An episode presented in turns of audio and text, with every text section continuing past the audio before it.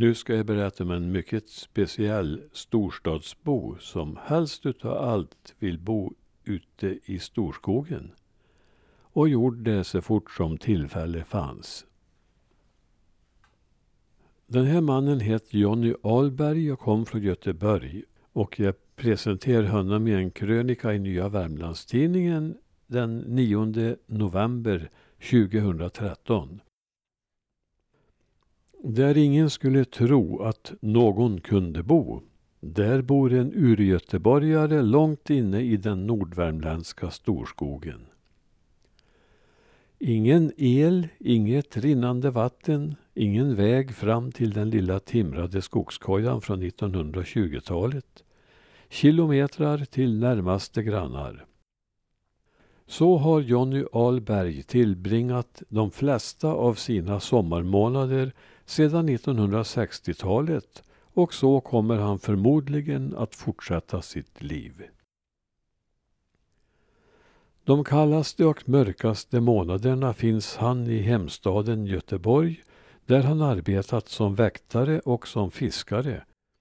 Men den lilla primitiva Östersjökojan har han alltid med i hjärtat.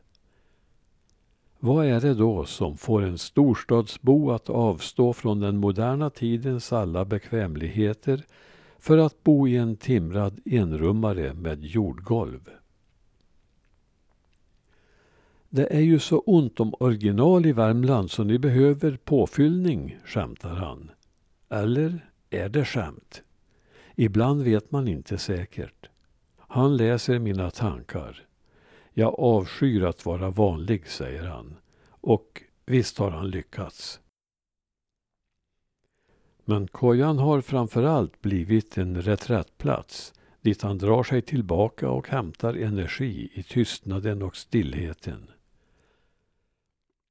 Totalt nästan sju av sina 72 levnadsår har han tillbringat på denna ensamma plats i världen. De flesta somrarna sedan 1960-talet. Hälsoproblem har gjort honom till nästan året runt-stadsbo några år men den gångna sköna sommaren var han i alla fall uppe vid sin kära sjö i den djupa skogen. Den största delen av tiden är han ensam men det händer då och då att någon vandrare kommer förbi. Kanske mer nu än tidigare sedan bolaget byggt väg i närheten. Förut hade han två kilometer till närmaste bilväg och hellre vandrade han dessa kilometrar än att få en bilväg några hundra meter från stugan. Ute vid skogsbilvägen möter han mig. Efter fem minuter är vi framme vid kojan. Ett litet utedass har han satt upp och en minimal vedbod. Men också kojan ser liten ut. Den är större inuti, säger Jonny.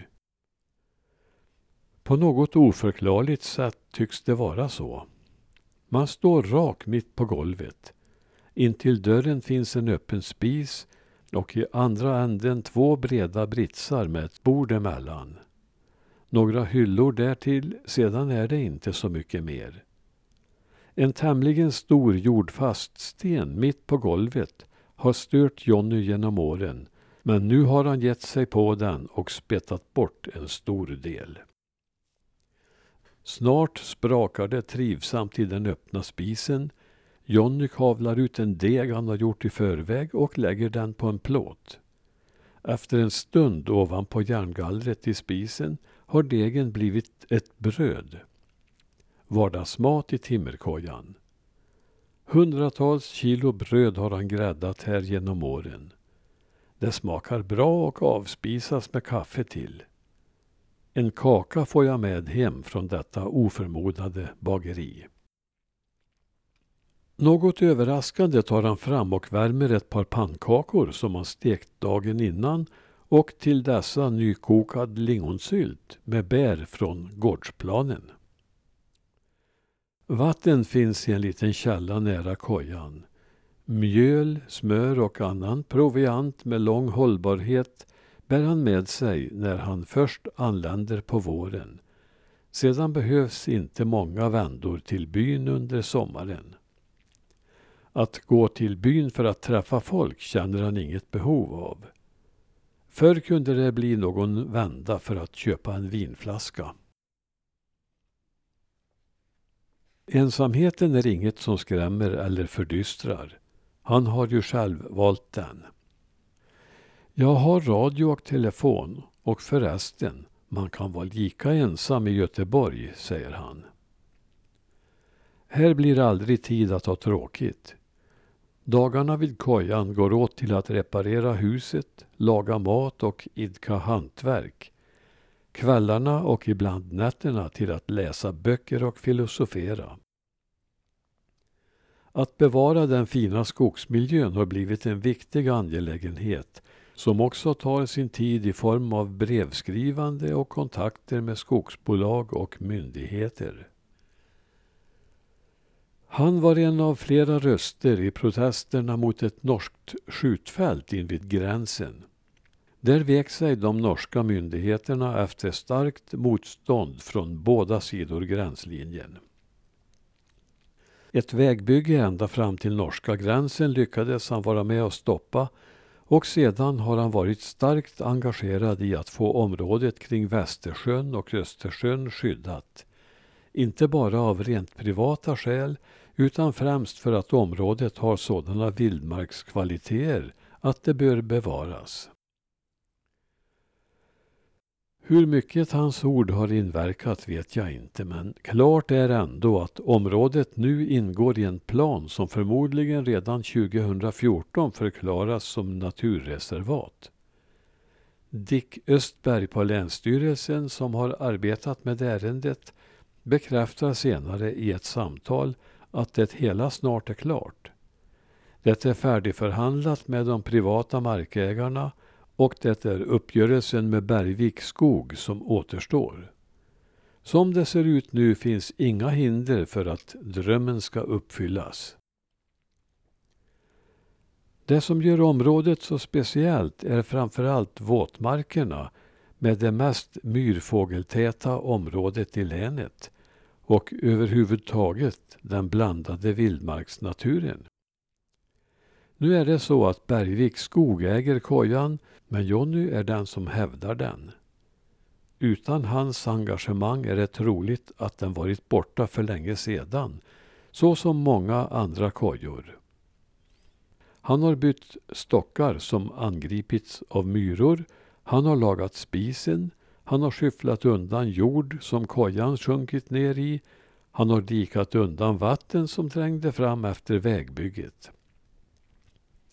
Ett stort arbete var att lägga plåttak, vilket blev nödvändigt sedan det gamla sticktaket tog eld av gnistor från spisen 1998. Jag utförde arbetet men bolaget bekostade plåten, säger han. Så har ett symbiost förhållande uppstått mellan Jonny som använder kojan och bolaget som äger den. När Jonny flyttade in var det Mölnbacka Trysilbolaget som var ägare och hans närmaste kontaktman genom åren har varit skogvaktaren Stig Halvarsson.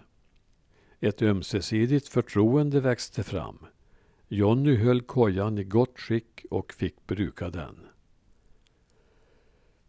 Handaskicklighet är en nödvändighet för den som likt Jonny vill återvända till naturen. Små praktiska ting för det dagliga livet tillverkar han och han är också skicklig tillverkare av knivar, kolvplattor till pistoler och annat. Han låter sig inte inringas av konventioner och fördomar. Att leva ensamliv måste inte vara detsamma som att vara osocial. Väntar man sig att möta en tyst och inbunden eremit tar man fel. Helt fel. Jonny är en mycket verbal person. Man anar också en poetisk ådra. Så här har han beskrivit sin reträttplats i tillvaron. Under dygnets och vädrets skiftningar har kojan lyst som guld i solsken, varit grå som regnet under regndagar, lyst silvervit under månskensnätter och varit lika svart som natten mulna höstnätter. Ingen skulle komma på tanken att kalla honom vanlig.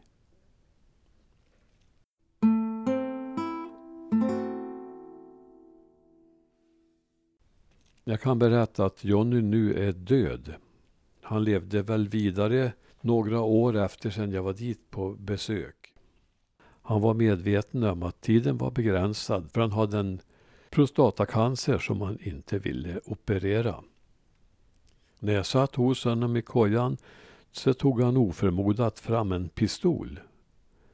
Och jag vart förstås lite fundersam. Det var många kilometer till närmaste människa. Och jag hade ju ingen aning om vad han var för en filur egentligen.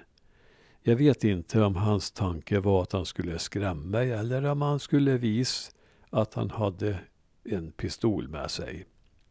I alla fall så visade det sig väl att han hade inga onda avsikter utan han var väldigt vänlig och framförallt mycket språksam.